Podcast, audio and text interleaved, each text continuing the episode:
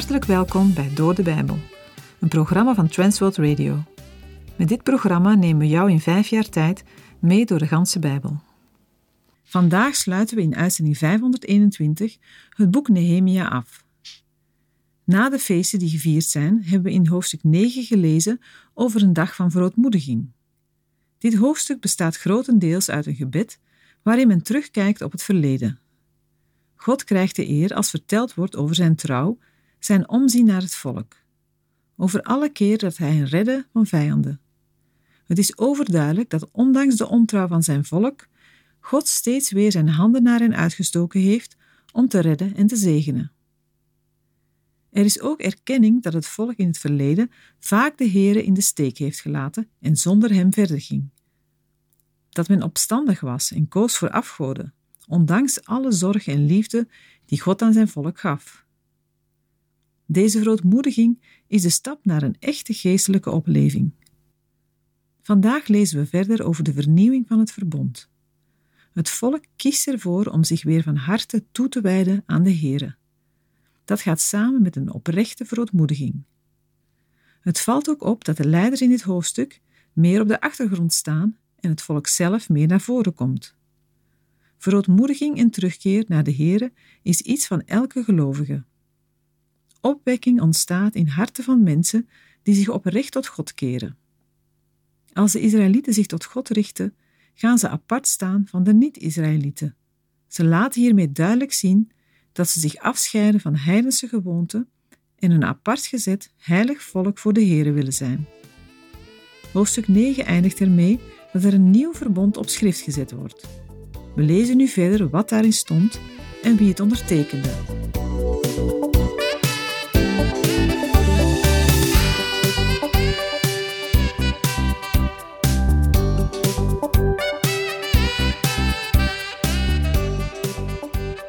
Het gebed dat we in Nehemia 9 gelezen hebben, vormt de inleiding op de verbondsvernieuwing die in Nehemia 10 beschreven staat en we vandaag gaan bespreken. Het Joodse volk rekent op de trouw van God en wijdt zich toe aan de Torah en de Tempel. Dit komt tot uiting in een plechtige verzekering om het leven voortaan naar de wet van de Heer in te richten. In Nehemia 10 staan de namen van hen die het op schrift gestelde verbond hebben ondertekend. Naast Nehemia, de gouverneur, worden 21 priesters, 17 levieten en 44 leiders van het volk genoemd. Ik ga de namen niet voorlezen, maar ze staan in de versen 1 tot en met 27 vermeld. Nehemia 10, versen 28 tot en met 30. De rest van het volk, de priesters, de levieten, de poortwachters, de zangers, de tempeldienaren en al wie zich had afgezonderd van de volken van de landen om de wet van God te houden, hun vrouwen, hun zonen en hun dochters, al wie kennis en inzicht had, verbonden zich met hun broeders en hun vooraanstaanden en namen met een zaalvervloeking en een eed de verplichting op zich dat ze zouden wandelen volgens de wet van God, die gegeven was door de dienst van Mozes, de dienaar van God, en dat zij alle geboden van de Heere, onze Heere, al zijn bepalingen en zijn verordeningen, in acht zouden nemen en houden. Wij zullen onze dochters niet aan de volken van het land geven, en hun dochters zullen wij niet voor onze zonen nemen. Al deze mensen verplichten zich door een eed om te leven naar de wet van God, en om al de geboden, verordeningen en inzettingen van de Heere te onderhouden. Met deze algemene woorden van trouw aan de Torah is de inhoud van de verklaring getypeerd. Nehemia 10, versen 31 tot en met 37. Als de volken van het land op de Sabbatdag hun waren en allerlei soorten graan zullen brengen om te verkopen, dan zullen wij dat niet op de Sabbat of op een andere heilige dag van hen aannemen. Wij zullen het zevende jaar het land braak laten liggen en afzien van allerhande rente. Wij leggen onszelf de geboden op dat wij een derde sikkel per jaar zullen geven voor de dienst van het huis van onze God, voor het uitgestalde brood en het voortdurende graanoffer, voor het voortdurende brandoffer, de sabbaten, de nieuwe maanden, voor de feestdagen, voor de geheiligde gaven, voor de zondoffers, om verzoening te doen voor Israël, en voor heel de dienst van het huis van onze God. Wij, de priesters, de levieten en het volk, hebben het lot geworpen over het offer van het hout, om dat naar het huis van onze God te brengen, en gedeeld naar onze families, op vastgestelde tijden, jaar op jaar, om dat te verbranden op het altaar van de Heere onze God, overeenkomstig wat in de wet beschreven staat. Wij nemen de verplichting op ons om de eerstelingen van onze grond en de eerstelingen van elke vrucht van elke boom jaar op jaar naar het huis van de Heer te brengen. En de eerstgeborenen van onze zonen en van onze dieren, overeenkomstig wat beschreven staat in de wet. En om de eerstgeborenen van onze runderen en van ons kleinvee naar het huis van onze God te brengen, naar de priesters die dienst doen in het huis van onze God. En de eerstelingen van ons deeg, onze hefoffers, de vrucht van elke boom, nieuwe wijn en olie zullen wij brengen naar de priesters, naar de voorraadkamers van het huis van onze God. De tienden van onze grond brengen wij naar de Levieten. De Levieten krijgen de tienden in alle steden waar wij werken. In de verklaring van de Israëlieten zit ook voor gelovigen van vandaag een voorbeeld. Een voorbeeld hoe wij ons als christenen opnieuw kunnen toewijden aan de Heer. Die toewijding zal ook in concrete daden tot uiting komen. Wellicht in een vernieuwing van ons leven, in getuigenis, in hulp bij de instandhouding van de verkondiging van het evangelie en in het omzien naar de naaste in nood.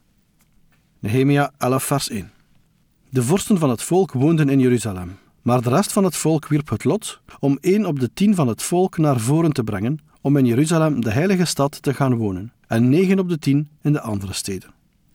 Na de terugkeer van het volk onder leiding van Zerubabel ging men in verschillende steden wonen. Velen zullen zich buiten de steden hebben gevestigd, vanwege de landbouw. Jeruzalem was door de verwoesting geen aantrekkelijke stad om te wonen. Er wordt vermeld hoe er nieuwe inwoners voor Jeruzalem komen. Nehemia wijst niet zelf mensen aan. Via een loting werd een tiende deel van het volk, uit de andere steden en dorpen van Juda en Benjamin, aangewezen om in Jeruzalem te gaan wonen. Door het werpen van het lot, waarbij de naam van de Heer wordt aangeroepen, laat men de keuze aan God over. Daarnaast verhuisden enkele families vrijwillig naar Jeruzalem. Nehemia 11, vers 3. Dit zijn de hoofden van het gewest die in Jeruzalem woonden.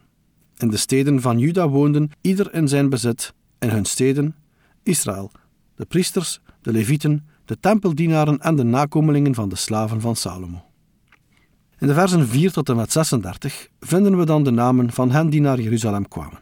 Het overzicht begint met mensen van Juda en Benjamin. Van de Benjaminieten gaan er in totaal 928 mannen naar Jeruzalem. Van de priesters gaan er in totaal 1192 naar Jeruzalem. In Ezra 2 wordt een totaal van bijna 4300 genoemd. Dat betekent dat de meerderheid van de priesters niet in Jeruzalem is gaan wonen. Dit kan in overeenstemming zijn met een vroegere regeling uit Jozua 21, waarbij dertien steden aan de priesters waren toegewezen in het gebied van Juda, Simeon en Benjamin. Het totaal aantal levieten dat in Jeruzalem gaat wonen is 284. Hierna komen de poortwachters. Zij horen ook bij de levieten. Het gaat om 172 man. Net als in vers 3 wordt aandacht gevraagd voor het overige volk. Zij, de andere priesters, levieten en het gewone volk woonden daar waar het land lag dat aan hun familie behoorde. In de versen 23 en 24 wordt nog meegedeeld dat er een koninklijk besluit is waarin de diensten van de zangers van dag tot dag zijn geregeld. Na de inwoners van Jeruzalem worden er in de versen 25 tot en met 36 plaatsen genoemd waar leden van de stammen Juda en Benjamin wonen. Nehemia 12, vers 1. Dit zijn de priesters en de levieten die met Zerubabel, de zoon van Sealtiel, en Jesua waren opgetrokken. In hoofdstuk 12 vinden we opnieuw een lijst met namen van hen die met Zerubabel en Jesua zijn opgetrokken uit Babel. Het gaat om priesters en levieten. Ze worden in Nehemia 12 genoemd in relatie tot de herbouw en de inwijding van de muur rondom Jeruzalem. Daarmee worden verleden en heden met elkaar verbonden. De inwijding van de muur is voor de teruggekeerde ballingen het hoogtepunt van veel inspanningen. De lijst bevat eerst een datering en noemt daarna de leiders van de priesters en levieten.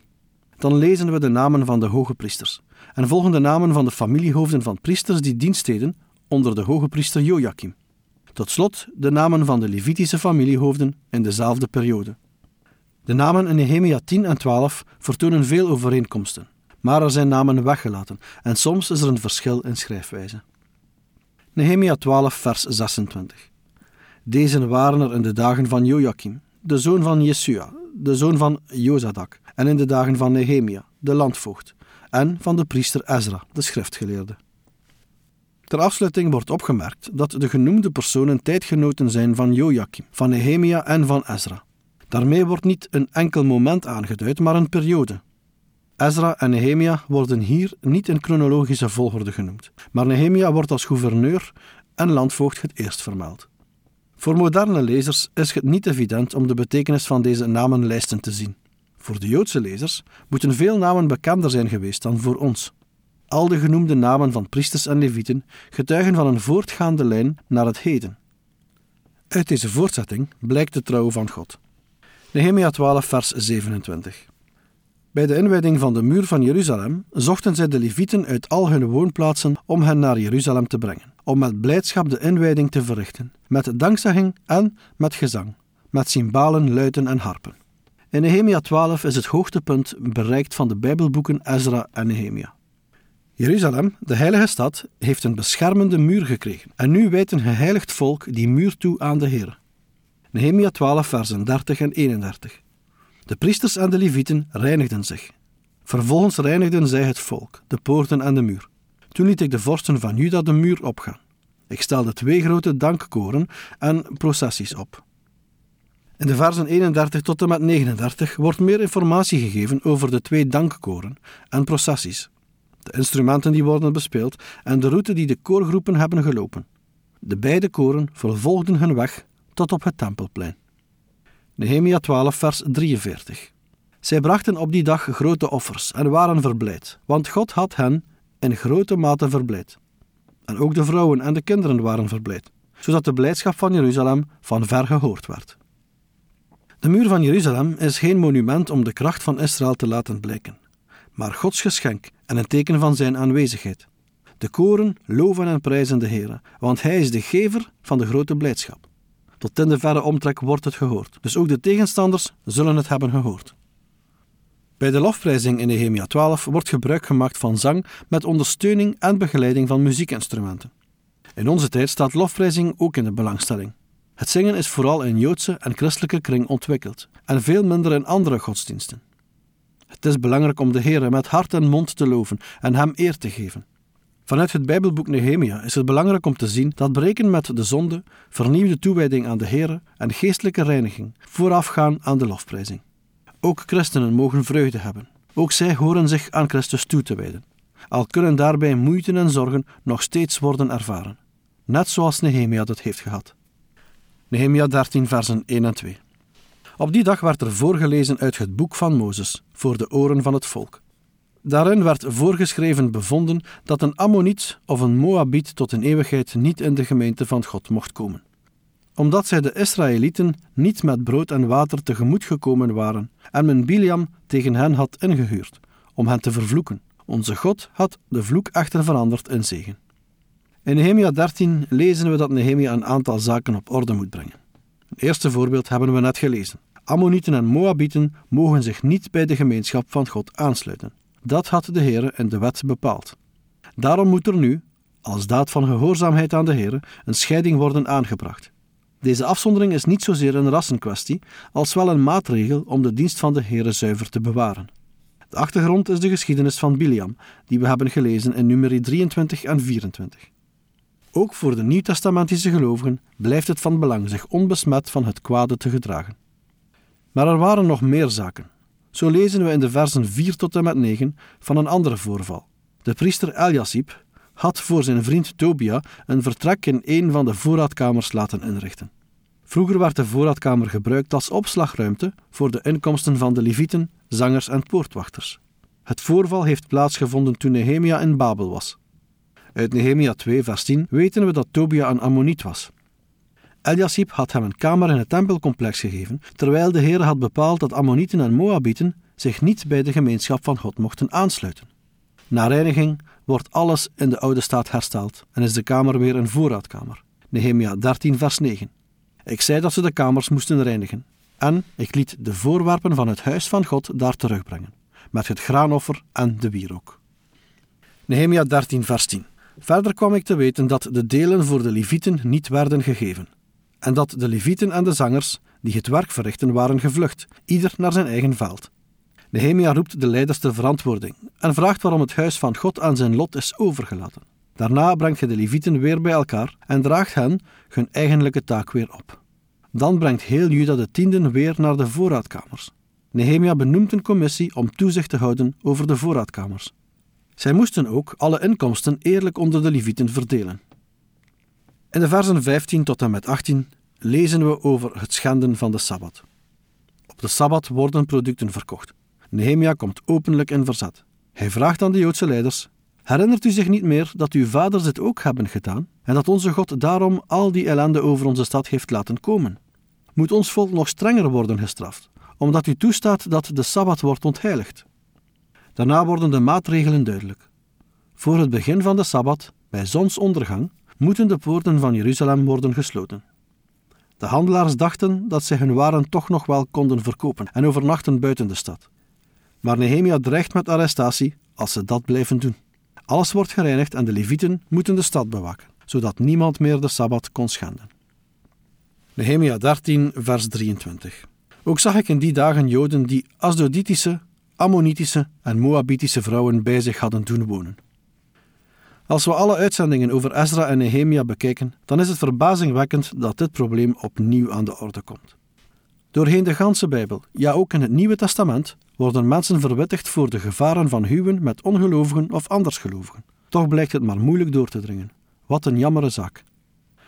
Het boek eindigt met: Denk aan mij, mijn God, ten goede. Dat is geen hoogmoed, maar onderdanigheid. Nehemia geeft zijn werk ter beoordeling aan God en vertrouwt op zijn goedheid. Nehemia heeft laten zien dat zijn levenswerk alleen kon gebeuren onder voortdurend gebed. Hij heeft biddend gebouwd aan de muur, maar hij heeft ook bouwend gebeden voor allerlei mensen en zaken. Hij bidt terwijl hij bouwt en bouwt terwijl hij bidt. Zo is hij ook voor ons een mooi voorbeeld. Volgende keer gaan we terug naar het Nieuwe Testament. We lezen en bespreken dan de tweede brief van Paulus aan de Corinthiërs.